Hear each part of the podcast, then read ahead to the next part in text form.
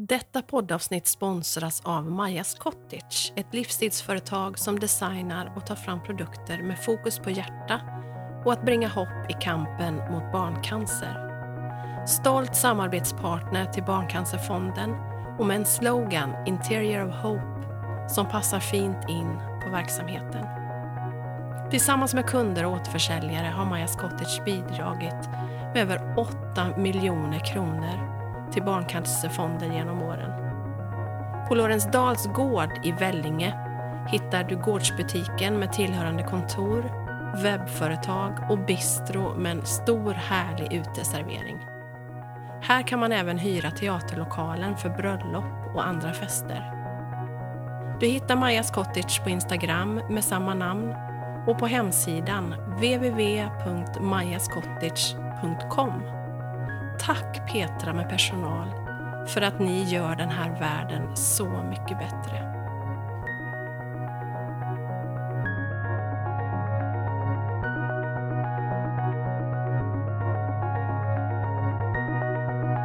För då är vi igång.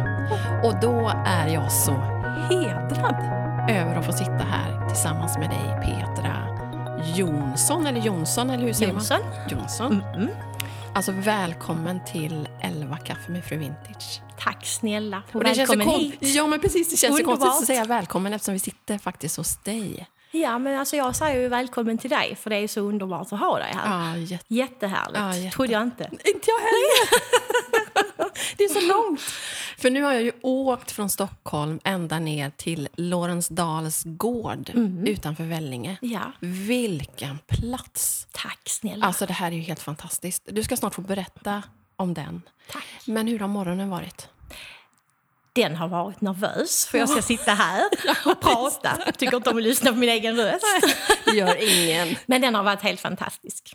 Vi har ju sol och vi har, Ah. ju, vi har ju livet och vi har ju liksom, vi mår ju bra. Eller hur? Och man 30 får vakna. grader ska det bli idag. Ja, vi har det varmt. Ja, vi har det Så bara. vi känner att vi lever allihopa.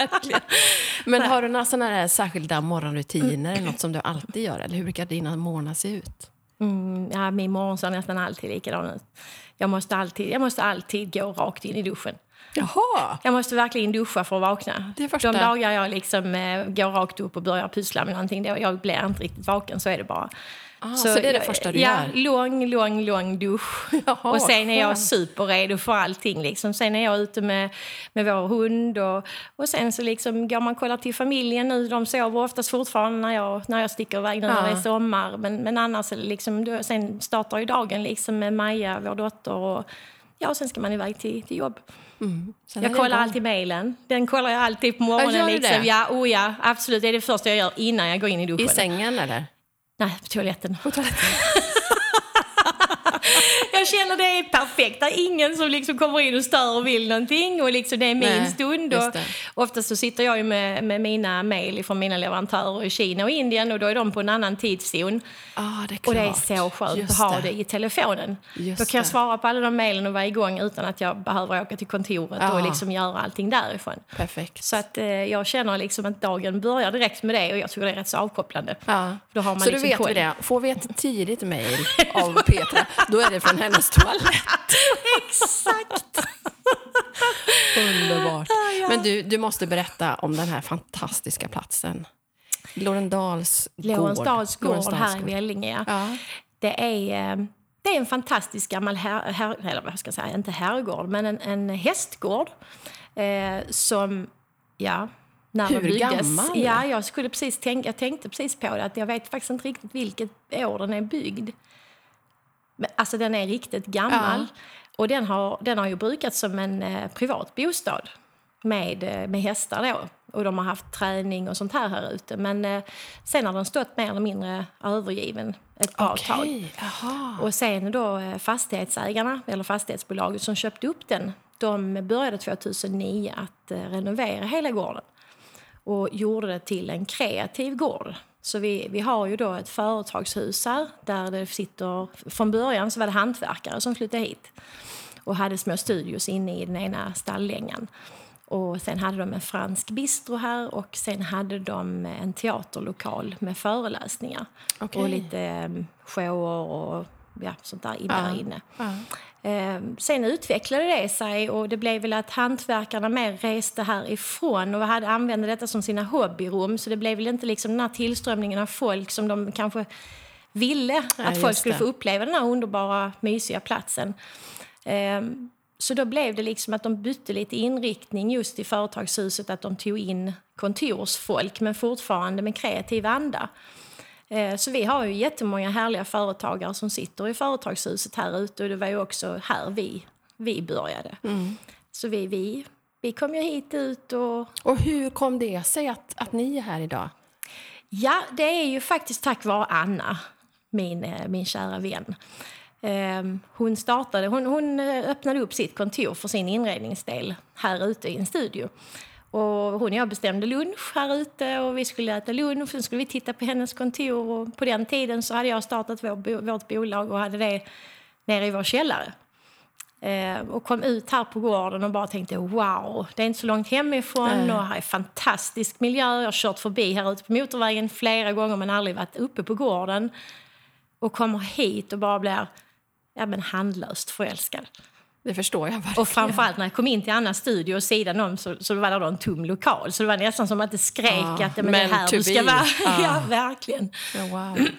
Så att vi var där inne och, och vi tittade in genom fönstret där liksom och plötsligt så kommer fastighetsägaren gående i korridoren och kunde öppna upp så vi fick komma in i den här lilla lokalen som var tom. Ja, nej, men sen åkte jag ju rakt hem och pratade med min kära man och Nu är det så här. så förhandlade vi. Ja. Du får detta om jag får detta. Han är lite, lite mer rädd av sig Ja. innan han liksom känner att det här funkar.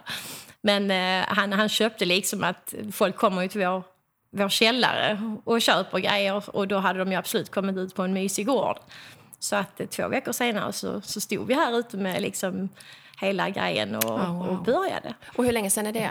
Eh, det gjorde vi 2000, 2012. 2012 tog vi den lokalen. Så ni har varit här i åtta år. Och berätta om verksamheten idag, för alltså det är ju, det är ju någonting, någon verksamhet i varenda hörn här. Berätta, vad gör ni? Eh, här ute på gården eller överlag i företaget så har vi ju olika ben att stå på. Så vi har ju vår största del är ju grossistfirman där vi tillverkar och producerar eh, produkter, framförallt Maja-lyktor till förmån för Barncancerfonden. Det ska du få berätta mer om. Ja. Och här, eh, här ute på gården då har vi vårt huvudkontor där, eh, där tjejerna på kontoret tar hand om grossistbiten. Och jag sitter och jobbar. Och sen har vi vår restaurang. Och sen har vi då vår butik, vår gårdsbutik och tillhörande webbshop som eh, utgår härifrån.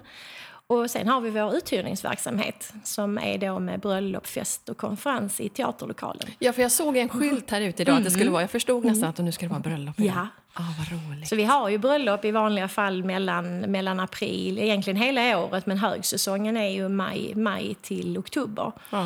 Eh, och det är ju jättehärligt. Det är ju varje helg. Underbart. Ja, och det känner jag också. Det tillför ju så mycket lycka till gården. Så Ja, att det är det ju bara det är ju underbart att känna Ja. att ja, men det är bara glädje. Ja. Man ser hur förväntansfulla de är på, på fredag när de packar ur bilen och börjar ställa i ordning i lokalen. Och sen på lördagen så vet man ju om att de oftast är igång när vi stänger liksom för allmänheten och då är, liksom, är festen igång där inne. Och, Underbart. Ja, och söndagen så är de här och städar undan. Liksom. Så det är, det är härligt att få lov att ha det här. Ja, det tror jag det. Så det, det är ju de, de olika benen vi har här ute på gården. Och sen finns det ju ett fantastiskt företagshus med, med olika aktörer ute i det huset. Och vad heter ert företag? Vad heter? Det heter Majas Cottage. Berätta. Var kommer det från namnet? Eh, ja, Majas Cottage kommer ju givetvis, Maja kommer ju från vår dotter. Det var med henne allting startade. Och cottage kommer ifrån att innan Maja kom till världen så älskade jag och min man, vi älskar det fortfarande, men vi älskar att sitta och titta på eh, härliga engelska program om eh, mysiga cottage. Ja, det är så. Ja. Varenda program vi kunde titta på eller ladda ner, streama eller vad som helst. Liksom det, eh, de såg vi. Och då var det ju oftast eh, liksom så här escape to the country och så gick de alltid in i cottagehus liksom, som vi bara tyckte var helt underbara. Och då när, när liksom tanken om företaget föddes så var det liksom, men detta måste ju ha någonting med Maja att göra. Men då får det bli Majas cottage, Majas kryp in och Majas stuga liksom, att det ska handla om det. Och det är verkligen ett mysigt namn. Ja, Underbart. Tycker ju att det är, Det- Men det- hur det ofta känns- tror folk att det är du som är Maja? Nej, men det tror För de det trodde tiden. jag ju länge. Nej, men det, det tänker jag ju. Och, och, och sanningen är ju den att ofta så går ju folk då kanske som känner mig men via sociala medier eller annat eller bara spontant så där liksom kan de bara säga hej Maja, Ja, men jag det. hejar ju tillbaka. Jag tycker det är jobbigt liksom, bara, nej men det är inte jag. Men för det är ju ändå jag, det är en förlängning av mig liksom Ja, men verkligen. Så och det hur, hur gammal är dottern Maja? Hon blir tio i höst. Så dottern Maja och hunden, Hunden Baloo, vad är det för ras? en bichon havanais. En liten florig... Eh, fluffig sak då, ja, det är det. Ja, just det. Mm. Vi hade en jumbohund innan, en bernersennen. Liksom. När han gick bort så, så var vi först att vi skulle vara utan hund. Men eh, familjen mådde inte riktigt bra utan det. Så nu, så nu har vi en liten som kan vara med och nu är han gårdshund. Nu liksom älskar han att vara på gården och han är med Ja. oss överallt. Så, så han, är, han är väl invand här ute nu. Ja, underbart. Ja. Och så mannen Pierre. Ja, det är det. Härligt. Men, men om vi då går tillbaka till... Eh, vad gjorde du innan Majas Cottage? Eh, innan jag startade företaget så jobbade jag 11 år på ett företag som heter Miljögården. Ett av Sveriges största grossistföretag inom inredning. Jobbade där 11 år och sen så valde jag att eh, avsluta min anställning där när jag eh, var hemma med Maja. Och sen däremellan så jobbade jag på ett, eh, ett home party-företag som heter Living in Room med, med deras produktsida. Ehm, och kort därefter, det var en, kort period bara, och sen så valde jag att satsa på Majas Cottage, men då som agent åt olika varumärken inom inredningsbranschen. Aha, så du jag tog, så? Liksom, ja, tog lite uppdrag sånt bara för att få igång rörelsen med lyktorna. Liksom, för Ja, jag kunde inte livnära mig på lyktorna då. Nej. Och hur, så din första egna produkt var Majas lyktor. Ja, det var det. Berätta, för den som inte har en aning. Ja. eh, tanken med hela Majas Cottage, alltså själva företaget, var ju att vi startade det bolaget för att vi skulle kunna sälja våra lyktor liksom, på ett proffsigt bra sätt. Och, och då var liksom tanken att vi ville göra någonting för när jag blev gravid med Maja, när jag blev gravid med Maja så, så fick jag en helt galen oro över att någonting skulle hända henne eh, eller skulle hända någon av oss. Och jag är jätte, jätterädd för cancer. Mm. Jag har alltid varit det och har alltid brottats med grav dödsångest som, som biter i mig. Liksom. Och tanken liksom på att någonting skulle hända henne eh, var liksom...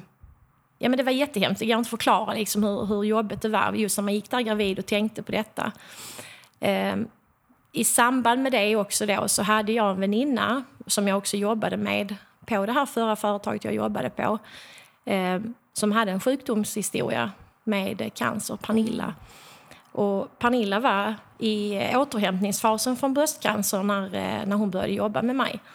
Eh, Så jag följde henne nära och jag följde också hon och hennes väninna Therese väldigt nära. Eh, Båda två hade haft bröst, bröstcancer. Pernilla hon repade sig och, och Therese gick tyvärr bort lite senare. Eh, och jag kände liksom när, när Therese mamma skulle ta, säga liksom farväl till sin dotter och jag satt med en nyfödd liten i famnen så spädde det på det ännu mer. Och, och då menar jag till min mamma, vad kan vi göra? Vi, vi köper ju frimärken eller såna här små eh, extra just grejer och sätter på Ja. kuverten varje år bara för att stödja Hjärnfonden eller någonting annat. Och vad skulle vi kunna göra liksom för att folk ska få jag bidrar ännu mer, men kanske också få någonting mer som påminner. För jag, jag vet ju att jag alltid har gått och köpt såna här grejer, men jag skickar ju alltid iväg dem. Ja, just det. Eh, och jag, jag, jag kommer inte ihåg sen vad jag har, har försökt bidra med, mer än att jag har det i hjärtat.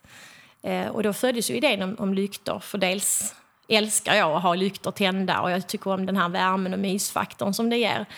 Och då kände jag liksom, men vad är bättre än lyktor, liksom att göra någonting med det konceptet där folk kan köpa det till sig själv eller ge bort och, och veta att de bidrar till, till någonting som är så viktigt som insamlingen till att kämpa mot barncancer.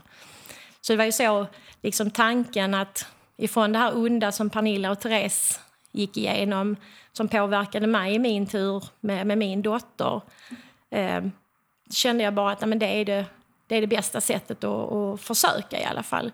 Sen tänkte vi att det skulle vara liksom till privatpersoner bara, som en liten Ja, bisak. Ja, Eh, och det var ju så det började. ja.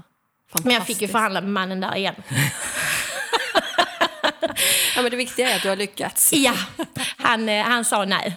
han sa det är en jättefin tanke, sa han, men jag, jag förstår inte hur vi ska göra, det kommer bli för mycket pengar. Och, och det året kommer jag ihåg att vi, vi skulle få tillbaka på skatten den sommaren. Och då sa jag till honom, du, om vi tar de pengarna så, och så delar vi bara dem rakt av. Du tar ena halvan och gör precis, vi låter inte det gå in i hus eller någonting annat. Du tar ena delen och spenderar på teknik och annat du gillar. Ja. Jag tar den delen och den andra delen och satsar på det här med lyktorna. Ja men tyckte han var skitbra, kunde han köpa en ny TV. Smart. Kvinnans list ja, kallas det va? absolut. Eh, och på, på den vägen var det. För min del så fick jag hem liksom sex pallar med min första lykta liksom, som faktiskt ser ut som den här vi sitter och tittar på framför oss här. Ehm, Fantastiskt. och, eh, ja, men sen, Men just det här tänker jag Petra, att ta den här oron då som var så avgrundsdjup och ja, den var svår hemsk. och kanalisera det till att göra något sånt här fantastiskt. Ja, men det, är, det är en härlig känsla och framförallt är det en härlig känsla att känna att, att, att människor är med en. Att de uppskattar den sentimentala biten i det. Att det, inte, det handlar liksom inte bara om sorg utan det handlar också om att förebygga den där Ja. sorgen som skulle kunna hända och drabba en. Verkligen. Eh, det känns fantastiskt. Och då måste du ju berätta, eh, så här åtta år senare, hur mycket har ni samlat in? Över 7,5 miljoner. Jag blir helt tårögd. Det är Det är ju jättehärligt. helt fantastiskt. Det, det, känns, eh, det känns ju gott ända in i själen liksom, att Ja. känna att man får lov att bidra. Och jag, jag, jag älskar ju, även om inte jag alltid har kanske tid att stå i butiken här ute längre, alltså jag älskar varenda liten butik, alltså kund som kommer in med leende och ler och så går de och köper en lykta eller någonting annat i våra kollektioner. Eller man ser någon som lägger ett inlägg och taggar oss liksom att de har tänt sina lyktor. Och, du vet, ibland ser man att de har stora samlingar med lyktor och så här, och det är, liksom, det, det är så overkligt. Ah, Men, men alltså så fantastiskt givande liksom. wow. Och jag känner ju liksom, men- indirekt så är det ju faktiskt tack vare allas engagemang. Så det är, visst, vi har ju haft en idé om det och en tanke hur vi skulle kunna göra, men det är ju den här solidariska känslan att alla har gått samman och stöttat upp och köpt lyktorna Ja. som gör att vi har kunnat bidra med det. Jag tänker idag så är det ju få människor som inte har någon i sin närhet som har haft eller har Mm. Ja. cancer. Så det är ju Det är så otroligt utbrett. Så jag kan tänka mig att det är lätt att få engagemanget. Ja, absolut. Alltså, det är någonting som påverkar alla, Ja. alltså, oavsett om det är vuxen eller barn. Det är väl mer liksom just när man känner så med barncancer så kommer ju den här... Idag vet man ju ingen, man vet ju fortfarande inte varför. Nej. Det blossar upp från, alltså man kan inte säga liksom om, om en äldre människa som kanske har rökt hela sitt liv eller ehm, har gjort någonting annat liksom, så, som kanske inte har varit förebyggande direkt för att ha en, en, en hälsosam Nej, kropp. Så att säga. nej. Sen vet man ju inte, cancer kommer ju från alla håll och kanter. Liksom. Ja. Eh, Men just barncancer finns det ju inte... Där finns ju ingen forskning som kan säga exakt så här var den, var den kommer ifrån. Och sen tycker jag liksom, ska barn... Men det hör ju inte samman alls. Nej, det gör det Barn ska inte. inte behöva kämpa för sitt liv liksom vid ung ålder och de ska inte behöva gå igenom såna här omfattande liksom, behandlingar och annat. Och, och jag tycker det är så himla viktigt. Att de, de får en, en fin, fin start på livet, liksom, att de kommer vidare. Och det, det absolut roligaste under den resan det är ju att när vi startade och vi tog kontakt med Barncancerfonden och pratade med dem och sen inledde samarbetet med dem, det var ju att på den tiden så överlevde ju, eh, nu ska vi se här, 80 procent. Eh, 20 procent är ju fortfarande en ganska stor Ja, del som, som faktiskt inte klarar sig. Mm. Eh, de här åren som vi har varit med och som så många andra företag också som går med så känns det jäkligt häftigt att på de åren så har liksom det blivit plötsligt 85 procent som Ja, överlever. Och, och även, om inte det, även om vi är en liten del av det så är den lilla delen är ju guld värd. Ja, fantastiskt. Det gör ju kanske att mina barnbarn växer upp där det är 100 procent överlevnad, förhoppningsvis. Ja, Det vet man ju inte, Nej. men, men att komma en bit på vägen är ju ett jättefint kvitto på att Barncancerfonden gör skillnad. Liksom. Och du är ju verkligen ett kvitto på att en människa kan göra så enormt stor skillnad. Ja, ja, men jag känner ju inte det så. Nej, det förstår jag att du inte gör, men det är helt fantastiskt. All heder till dig, verkligen. Mm. Helt fantastiskt. Och idag har ni tagit fram fler produkter än Majas lykta. Ja, och ja. Idag har vi ju, vi har ju två säsonger. Um, det är ju vår och sommar och vi har höst och vinter. Um, varje kollektion för de två säsongerna är ju helt unik för den säsongen. Ehm, så det är alltid nya produkter och då är det allt mellan mellan 100 till 150 nya produkter. Oftast lyktor så att säga, men det finns även keramik och textilier i samma serier. Eh, där allting går med förmån till Barncancerfonden. Sen har vi vissa gästspel där vi gör samarbeten som kanske då väljer andra organisationer att stödja. Ja, just det. Mm. Men, eh, men då är det gästspel i. Grundtanken är ju att alltid hjärtesaken ska vara Barncancerfonden. Ja, just det. Så det är ju jättehärligt. Och sen Ja. har vi världens bästa återförsäljare. Jag tänkte komma till det. För att, Absolut. ja, men det fanns en tid när vi gick på Formex. Ja, ja, ja absolut. Den tiden kommer säkert Den tillbaka. kommer tillbaka, det gör den absolut. Men jag minns ju för... Vi har ju inte träffats så här på riktigt någon gång. Vi har hejat på varandra och första gången vi gjorde det var på Formex för ett par år sedan. Och sen i höstas så, så stod Linda och jag från Årstidens bästa och bara väntade, ska hon bli ledig någon gång eller? Ja. Men din monter var ju knökfull hela tiden. Hur många återförsäljare har ni? Vi har strax över 900 återförsäljare i Norden nu. Wow! Ja, det är jättekul. Ja, det är fantastiskt kul. Det är helt Det är det verkligen. Det, det är, jag kommer ju ihåg liksom den här första tiden, där de första två åren så... ehm, ja, men jag satt ju i min bil, planerade liksom rutter och på den tiden fanns inte GPS så man Nej. körde liksom efter vägbeskrivningen, man tryckte ut från en Eniro liksom. Det bara, tänkte jag faktiskt på när jag åkte hit idag. Att tack gode gud för GPS. Ja, ja men det, det är den bästa uppfinningen någonsin. Men, eh, men samtidigt så var det, det var ju en viss charm. Liksom. Mm. Det finns ju inget bättre. Du vet ju själv liksom, med ditt elvakaffe att man kommer hem till, eller hem Ja, till liksom, en borttid någon gång och får visa upp sina produkter. Och man får det här personliga mötet. Och så körde jag över hela Sverige. Liksom. Så du åkte runt själv Ja. med... Aha. Kom med min låda. Wow. Men på den tiden så hade jag ju inte hundra produkter. På den tiden var det kanske tre eller fyra eller fem eh, produkter. Liksom. Och så kom man dit och sen så satt man med ett litet Excel-ark hemma sen och fyllde i. Detta var på 1700-talet? Eh, eller? ja, kanske. Ah, wow. Så den, den utvecklingen där har ju varit galen när man tittar, tittar bakåt. Ja. Att man faktiskt har kört i bilen och man har gått omkring med sin bruna box liksom, alla grejer i och varit jätteengagerad i just att få det till, till liksom jag ville ju inte stå på Formex med mina egna produkter i början så jag, jag valde ju under tiden att ställa, alltså hjälpa andra företag i branschen och sälja på mässor och bygga montrar och sånt här. Ehm, för jag hade liksom en tanke att jag vill inte åka upp på Formex och känna att jag ska Kränga. jaga Nej. kunderna. Jag vill åka upp där och stå rakryggad och känna att Nej, men jag har de här återsäljarna redan och de här känner jag att jag, jag har ingen hets att vi ska vara många utan jag har bara hets att vi ska ha en bra relation och att de ska känna att vi är genuina rakt igenom i det vi försöker göra. Eh, och inte jaga säljet.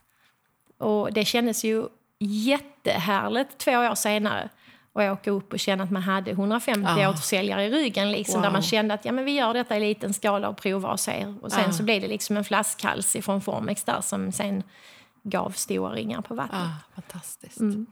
Det är jättehärligt. Ja, verkligen. Du har ju visat runt mig på den här fantastiska platsen. Jag har fått se ditt kreativa rum och ditt kontor. Och där låg det eh, provbitar och listor. Ja. Och, vad är din huvudsyssla nu för tiden? För som du sa, du står inte så mycket i butiken. Jag förstår att du inte hinner. Men Nej, vad är din... eh, man kan väl egentligen säga att jag, jag sköter ju både, alltså vi har två bolag, men jag sköter ju båda de två bolagen eh, operativt. Det gör jag ju med, med allt vad det hör till.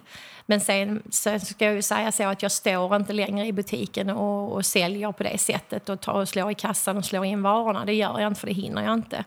Eh, och jag står inte och packar i webbshoppen längre utan jag har ju underbar personal. Eh, vi är 17 stycken nu som, som jobbar här. Wow, fantastiskt. så jag har ju tjejer i butiken som sköter detta Just och det. jag har webbshopsansvariga och jag har ett underbart par som, som hjälper mig med bistron och, och sköter den biten åt mig. Eh, så min del just nu det är ju framförallt eh, produktutveckling, eh, sälj eh, och eh, sen är det ju hela den här biten med marknadsföringen och hela det framtagandet liksom av hur vi ska jobba framåt och hur vi ska jobba med de produkterna och följa upp hela produktlinjen och alla inköp. Eh, Det är ju min största del så att säga. Och Pierre är också en del av företaget, eller hur? Vad gör han? Alltså, han sköter allting med uthyrningsverksamheten. Ah, Så han är ju liksom Bröllopskoordinator.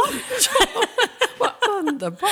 Jag sa det, alltså du är en riktig man. Du fick en dotter liksom och du, du fick en galen fru och du liksom fick, alltså du tog dig själv an jobbet som, som bröllopsfixare liksom. Ja, Så han, wow. eh, han, han gör det med bravur. Ja, fantastiskt. Hur länge har ni hängt ihop? Eh, Vi har varit tillsammans i tio år. Ja, vi har varit gifta i tio år och varit, eh, varit tillsammans i 13 år. Så det är, det är Hur- inte så hur- länge, men... eh, Nej, men det är bra Men det är jobbat. bra jobbat ja, det är ändå. bra jobbat. Ja. Hur gör ni för att få ihop allt det här? Alltså vi är ju ganska så okonstlade båda två. Jag tror alltså så vi har ju hängt igenom så mycket, alltså det har hänt så mycket under de här åren som egentligen kanske skulle tära på mycket och vi har ju haft små, små barn liksom och så här som också tär på allting men jag tror vi har en sån grundad fin kärlek till varandra och vill varandra så väl så att det, det lämnas utrymme för det där. Pierre är också väldigt, han är väldigt grundad medan jag är väldigt uppe i det blå och flyger med idéer och annat. Tänk Så- att det ofta är så Ja. att man kompletterar varandra så bra. jag tycker det är underbart. Alltså för han, han gör inget... Eh, han, han gör liksom inget claim, kan man säga. Han gör inte anspråk på det som jag vill, att han också vill hela tiden utveckla och göra andra grejer. Utan han, han lyssnar in och sen så kommer han med sina och sen så när jag liksom märker hans lugn och hans grejer, ja men då känns det ju skitbra att ha någon som har ryggen på en på det. och han är så trygg i sig själv så att han känner inte att han behöver ta plats på det sättet där. Ehm, sen förstår han mig. Det är helt underbart. Han liksom tar mig för den jag är och förhoppningsvis känner han att jag tar han för den han är. Liksom. Hur gör ni för att, att hålla den där kärleken vid liv? Vad har ni för... Ja, alltså vi, vi, vi är ganska lika. Vi älskar att lyssna på musik tillsammans, det kan vi göra i timmar. Och vi har samma musiksmak och vi ser jättemycket filmer Vad för och serier. Det ska ju vara gammal rb musik Ah. Ja, men det kan svänga, så det kan vara mycket annat också. Men just det är grunden. Liksom. Jag tänkte så när jag träffade honom att oh shit, här är verkligen en man som gillar samma musik som mig. Och han hade alla gamla godingar, så vi satt ju liksom hur länge som helst och bara lyssnade på musik. Det var inte så hittigt när man träffade tjejerna dagen efter och berättade vad man hade gjort. Men Det spelar ingen roll. nej, jag tror bara att vi är, vi är väldigt måna om varandra. Så att, eh, jag tror det är nyckeln till att, att man eh, kan bevara det man har. Jag känner så med honom i alla fall. Skulle aldrig vilja vara utan honom. Nej, fantastiskt. Mm. Vad skulle du ge för... För jag menar, ni har ju verkligen byggt upp något helt fantastiskt tillsammans. Vad skulle du ge för råd till den som kanske är i början på en sån här resa? När man ska rodda familj och relation och bygga upp ett företag. Vad har varit det viktigaste för dig? Ja, man kan ju aldrig veta vad man har. Alltså man vet ju inte vad man... Man vet ju aldrig liksom vad som kommer. Eh, och jag har väl lärt mig längs vägen att, att försöka lyssna på magkänslan och ha tålamod. Jag har, varit all, jag har alltid varit full av idéer och, och kreativitet och så här och velat framåt och varit driven. Liksom. Det har jag absolut varit. Men jag har kanske varit sämre på att lyssna in magkänslan eller faktiskt lyssna på att den talar rätt till mig. Ehm, och jag har framförallt haft dåligt med tålamod. Vissa Hur har det visat sig då? Alltså, har det blivit Nej, men vissa, det har ju blivit kanske så här att man har slängt sig in i projekt, sen ska Mm. man reda upp. Jag har ju alltid redit ut dem. Eh, men jag har kanske tagit stryk själv för att det har blivit för mycket. Eh, så jag har ju liksom aldrig känt så att jag har lämnat halvdana projekt bakom mig, men det är bara att det har blivit för mycket. Eh, idag tar jag kanske ett steg tillbaka och istället för att säga ja, det gör vi. Så säger jag, ja men det där, det låter bra, ska jag jag ska tänka. på. Ja, exakt. Just det. Eh, det har ju varit en process i sig själv. Klokt. Ja. Ehm, Så jag tänker liksom de som frågar mig oftast efter de råden så säger jag liksom lyssna på magkänslan, utvärdera och ha tålamod med processen. Det är ingen som får framgång över en natt liksom. Och sen likadant när du väl får bollen i rullning, du får den där framgången så tror jag att det är jättebra att man ibland drar i handbromsen och inte blir för hungrig. Ehm, vi gjorde det för ett par år sedan, att vi, vi slutade ta in nya återförsäljare. Eh, vi hade väldigt många återförsäljare då och, och var på hugget. Liksom, att oh, vi skulle gå in i nya länder och vi skulle göra det. Och, men jag kände bara att vi ska ju vara så måna om dem vi har. Vi ska inte bara vilja ha mer, utan vi ska ju liksom vara, vara, vara måna om det vi har och förvalta det. Och kunna fortsätta hellre. Jag har ju hellre 10 återförsäljare som är återkommande än att jag har 30 nya som sen bara planar ut. Ja, Eh, där jag känner att vi har en relation med, med de flesta istället, liksom, så att alla känner sig välkomna här. Eh, och likadant med, med detta här ute på gården. Liksom att visst, vi har byggt ut och vi har gjort så, men det är ju mer att man har förvaltat och sett vad, vad är behovet här. Hur ska vi jobba bättre både för personalen och för kunderna? Eh, men jag, jag, tror det där att man tittar bakåt istället och ser vad, vad kan vi göra annorlunda och bättre för att förbättra. Men kanske inte alltid man bara ska nå nya mål, Nej, utan det är också klokt. delmål i det. Ja, klokt, verkligen. Så att, eh, Men om vi tänker, vi tänker att det, är, ehm, det finns inga gränser, det finns inga, du får drömma fritt och stort. Vart är ni om fem år? Oj. Ja, jag vet inte riktigt. Jag känner att vi har åstadkommit så mycket. Jag vill ju absolut fortsätta med detta här. Jag tänker att om fem år så skulle jag bara vilja ha... Jag skulle nog vilja ha lite mer så här lugn. Jag, jag älskar ju när det är fart och fläkt, liksom, just att ha mycket bollar i luften. Men jag skulle, skulle vilja liksom landa i att eh, våga lämna över mer. Mm. Jag är liksom fortfarande... Har du svårt med det? Ja. Ah. Jag har blivit mycket bättre och jag, jag känner ju liksom att jag, de, den, den personalen vi har idag litar jag fullt ut på. Så de bitarna liksom idag som jag har lämnat över känns ju jättebra.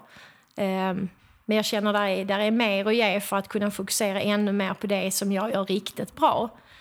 Jag ska kanske inte alltid sitta och vara den som sitter och betalar räkningarna. Även om jag har en tjej som är super och sköter all bokföring och sånt här så är det ändå jag som sitter och fixar alla betalningar och gör allt sånt och liksom kollar av bokslut och Och det ska man ju göra som företagsledare. Men det, det är ju inte alls min gebit. Nej.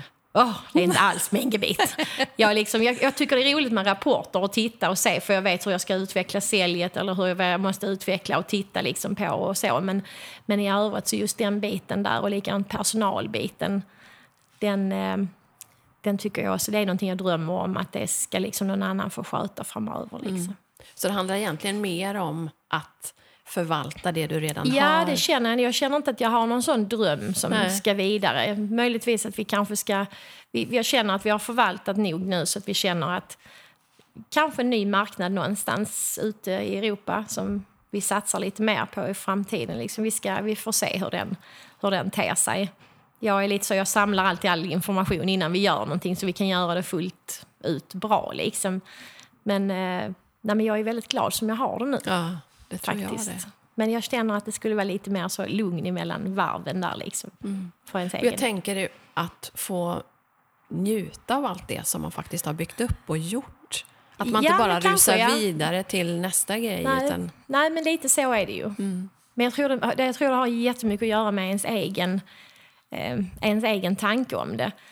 Jag är ju så att när jag börjar bli för bekväm i någonting, det är då jag börjar känna att men nu tar jag det för givet. Ja, just det. Mm. Och det vill jag aldrig göra. Det är, därför, det är väl där drivet kommer ifrån. Att jag vill aldrig att någon ska sätta sig och bara tänka men nu bara hon sitter där och tar det för givet. Liksom. Och det, det, det, jag är ju alltid så, så den pressen på mig själv. Det finns ju ingen mer än jag som mår dåligt precis innan vi släpper en kollektion. Liksom, för jag tänker nu är det slut. Ja nu är det över. så nu funkar det inte. Spiken i kistan. Nej men det är som Formex. Jag går inte ut och går i gångarna. Jag, jag tänker ju att alla de är jättedrakar som står där och vad gör lilla jag här liksom. Så jag får hålla mig i montern för där mår jag bra. Men jag mår inte bra när jag går ut i gångarna och tittar på alla de fina stora montrarna. Liksom bara, åh herregud, tänker vad gör jag här? Men det har ju med ens självkänsla ja, att göra. Ja. Så att det är kanske sådana gånger man ska landa Och då ska man tillägga till den som inte har varit på Formex att eran monter brukar ju vara helt fantastisk. Tack så mycket. Jätte, Tack snälla. Men du, om vi tittar bort ifrån eh, Maja Cottage och företaget och så. Vad skulle du säga är din högsta prioritet i livet? Vad är viktigast? Ja, men det är ju Maja, min tös. Mm. Jag och Pierre såklart, det är familjen. De är ju nummer ett alltid. Och det, det har ju alltid varit en stående grej för mig och Pierre. Liksom att oavsett vart företaget tar oss så är det så att vi behöver resa med företaget då ska en av oss alltid vara hemma med henne. Um, om det inte är så kanske att det är över en helg och hon kan ha jätteroligt hos mormor, mormor eller farmor. Liksom. Um, men, men hon är alltid prio. Och det är för oss båda två. Mm. Så jag känner liksom vi ska alltid vara närvarande i hennes, hennes uppfostran och hennes skolgång. Och, problem och glädje och allt sånt som hon går igenom. Alltså hon ska aldrig växa upp och känna att hennes föräldrar var företagare och att de liksom bara prioriterade det. Fint. Det, det tycker jag är jätteviktigt. Vad, vad är viktigast för dig eller er att skicka med Maja ut i livet? Jag vill ju verkligen att hon ska känna att hon duger precis som hon gör, alltså som hon är. Och att hon ska våga ta, ta för sig liksom av, av livet. Jag tycker det är skithäftigt att hon har skinn på näsan och sånt här. Men, men jag vet ju också att hon är, hon är skörstark precis som jag. Um, och hon, hon tampas ju med det liksom. Och jag vet ju att hon kommer att växa upp och få tampas med, med ångest och tankar och allt sånt här liksom. Jag vill bara att hon ska komma ut i livet stark liksom. Att, att det, det, det räcker liksom. Hon räcker mer än väl till. Mm. Det tycker jag är det viktigaste. Sen vad hon gör eller vad hon tar sig för, det, det är mindre viktigt. Ja, men visst liksom. är det verkligen ja, så? Ja, jag känner det. Alltså, hon ska bara vara grundad och trygg i sig själv. Mm. Det är det mm. viktigaste. Mm. Det känner jag verkligen.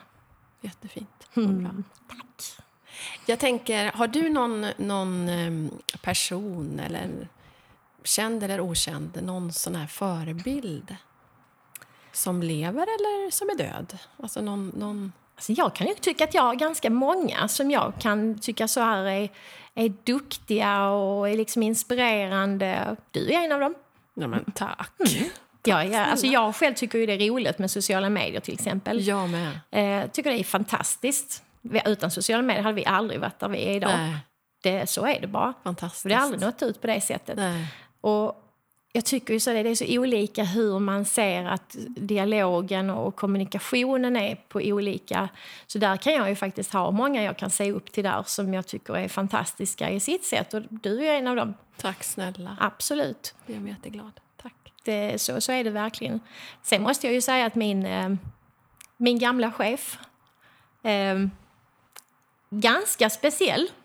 Eh, men också en kvinna som rådde runt det företaget på sina fem fingrar. Eh, fick ta jättemycket skit för hur hon var som person och att hon var kanske väldigt abrupt och väldigt tuff och väldigt så här. Men, men jag tror innerst inne så försökte hon nog bara, hon försökte bara rida ut stormen liksom. Mm. Eh, hon och jag kom väldigt bra överens och hon har ju lärt mig, hon har varit min mentor i, i mycket. Så jag, jag, jag kan ju se bortom allt det där och känna att nej men alltså, utan henne hade jag inte kunnat hälften av det jag kan idag.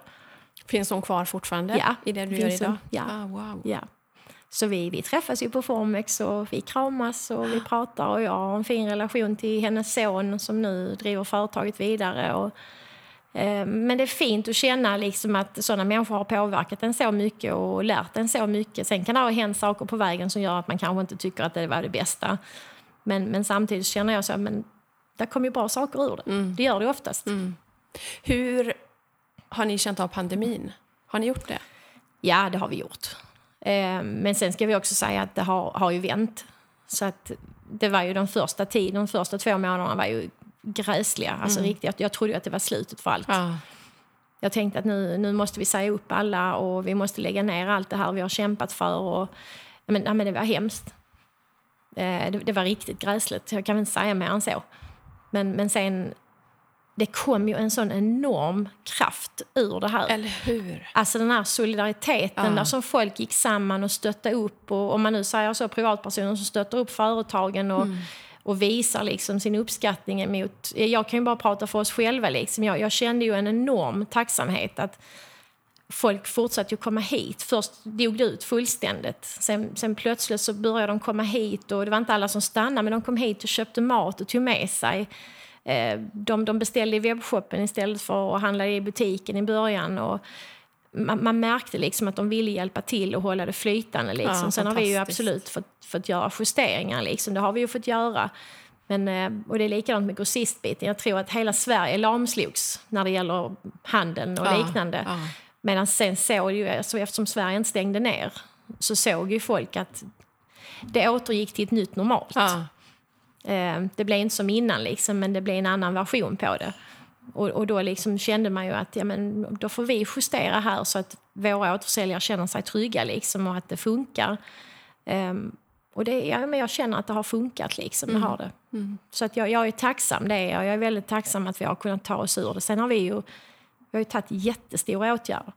Vi har ju enorma, städ, vi har enorma städkostnader. Liksom. Men det kändes ju också så vi valde att vi renoverade bistron mitt i pandemin För att folk skulle också känna att nej men här är rent, här är fräscht och här är i ordning. Liksom. För ibland kvittar det hur mycket man städar till Ja, exempel. Om inte väggar är hela och Nej. allt alltså, är ordentligt. Och sen har vi, liksom, vi har ju fått sätta in andra resurser liksom, för att folk ska känna att samvaron här är trygg. Ja. Och det känns ju väldigt luftigt när man tittar sig omkring med borden. Här kan man ju verkligen sitta ut och Ja. hålla avståndet. Ja, jo absolut. Vi har ju tagit bort mängder av platser. Ja, jag kan förstå det. Så vi har ju fasat ut mellan där. Och det är också en sån grej, man, man tyckte i början att man tog bort tillräckligt. Och sen insåg man att okej, folk fortsätter att komma och det är ju underbart. Men till slut fick vi ju liksom fasa ut ännu mer liksom, just för att det skulle fungera. Och tack och lov att vi har vår utemiljö och att det har varit Ja. fint väder så att folk har kunnat sitta ute. Ja, men verkligen. Så det, det känner jag att det har ju funkat liksom. Och det är ju, ja men tänk om vi skulle lägga ner allting. Det hade varit hemskt. Ja, men verkligen. Det hade varit jättehemskt. Ja. Men nu vänder det. ja Det måste vi det hoppas vi. Ja, men ja, verkligen. absolut. Och nu sitter vi här i bistron med eh, en fantastisk tapet. Alltså den här tapeten. Ja? Du kanske känner henne som har, Ja, står bakom det det, eller de som står bakom det. För här har du ju tapetserat med Poppis for Marlene. Som är ett samarbete mellan mig och Mrs Migetto. Och det är så fint på plats. Och den fick jag kämpa för. Fick du det? Ja. ja. Fick du tjata på dem? Nej, jag fick ju tjata på dig. Att kom igen och släpp den där förbannade tapeten. Och det var inte riktigt jag som satt på de där nycklarna. Men det, jag är så glad att den sitter här nu. Nej, men det var verkligen kärlek vid första ögonkastet. när Du Ja. la ut den på Instagram, en liten blänkare om vad som komma skulle. Liksom. Och jag bara kände, men vi ska ju renovera bistron och det är klart att vi ska ha en sån vacker tapet där. Den är som gjord för... Ja, nej, men det, den kändes verkligen... Eh, nej, men det, var, det, var, det var så rätt. Ja, men fantastiskt. Det är så fint. Ni har gjort ett fantastiskt jobb där. tack ska du ha. Ja, den är jättefin. Ehm, har du något, något eh, citat eller någon headline eller någon saying som, som du lever efter? Något visdomsord eller... Jag har två. Det är ju absolut Astrid Lindgren. Jag älskar Astrid Lindgren. Mm. Och jag känner ju liksom det här att eh, hennes, det här, det här har jag aldrig provat. Men jag är säkert bra på Ja. det. Eh, jag tänker liksom att men så, det är ju oftast hur jag är. Jag kan få panik precis. Men sen kastar jag mig in i det och gör det liksom. Och sen känner jag, men det här var ju riktigt bra. Det här var ju kul. Ja. Och jag liksom gjorde det. Och sen så kan jag bara bli bättre på det liksom. Och att man vågar. Mm. Man ska inte liksom tänka för mycket, liksom, utan man, man, man vågar. Så jag, jag, jag tycker mycket av Astrid Lindgren säger är klokt. Jag tycker Verkligen. hennes tankar om barnuppfostran och liknande, liksom, det, är, det är mycket som är... Det är jag rakt igenom. Det är verkligen sånt jag tänker på. Mm. Och sen det andra är något som min fantastiska vän Camilla, som har ett konto som heter Milan Dante, Ja. eh, hennes ord eh, som, som hon säger, eh, det, nu ska vi se så jag får rätt på det, jag går alltid och tänker på det. Eh, det blev inte som det skulle, men det blev bra ändå. Ja. Och det blir inte alltid som man har tänkt sig, men det blir bra ändå. För hon om någon har liksom gått igenom otroligt påfrestande grejer och jag vet ingen så positiv människa som henne. Och ändå så, så liksom livet ger henne de, de svåraste striderna att strida mot som bara krossar mitt hjärta. Liksom. Och ändå kan hon inspirera en så mycket med de här orden. Och jag, jag förstår inte var hon får styrkan ifrån. Jag bara gråter bara tänker på det.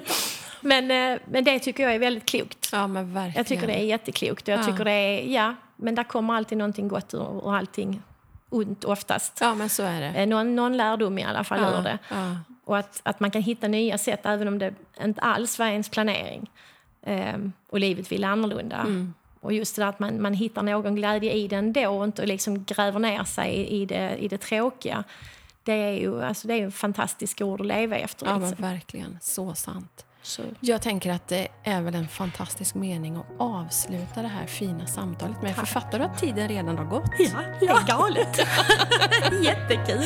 Visst är det så att man bara vill fortsätta i timmar? Ja, men det är ju ett mysigt samtal. det är ju det. Ja, det Tiden går så fort. Ja. Men jag, återigen, jag är så, så glad att du ville vara med och att jag fick Tack komma snälla hit. Marlene. Och, Ja, vi Tack. tackar för att vi fick hit dig här. Ja, så fram emot att ha dig här hela dagen. Ja, tack.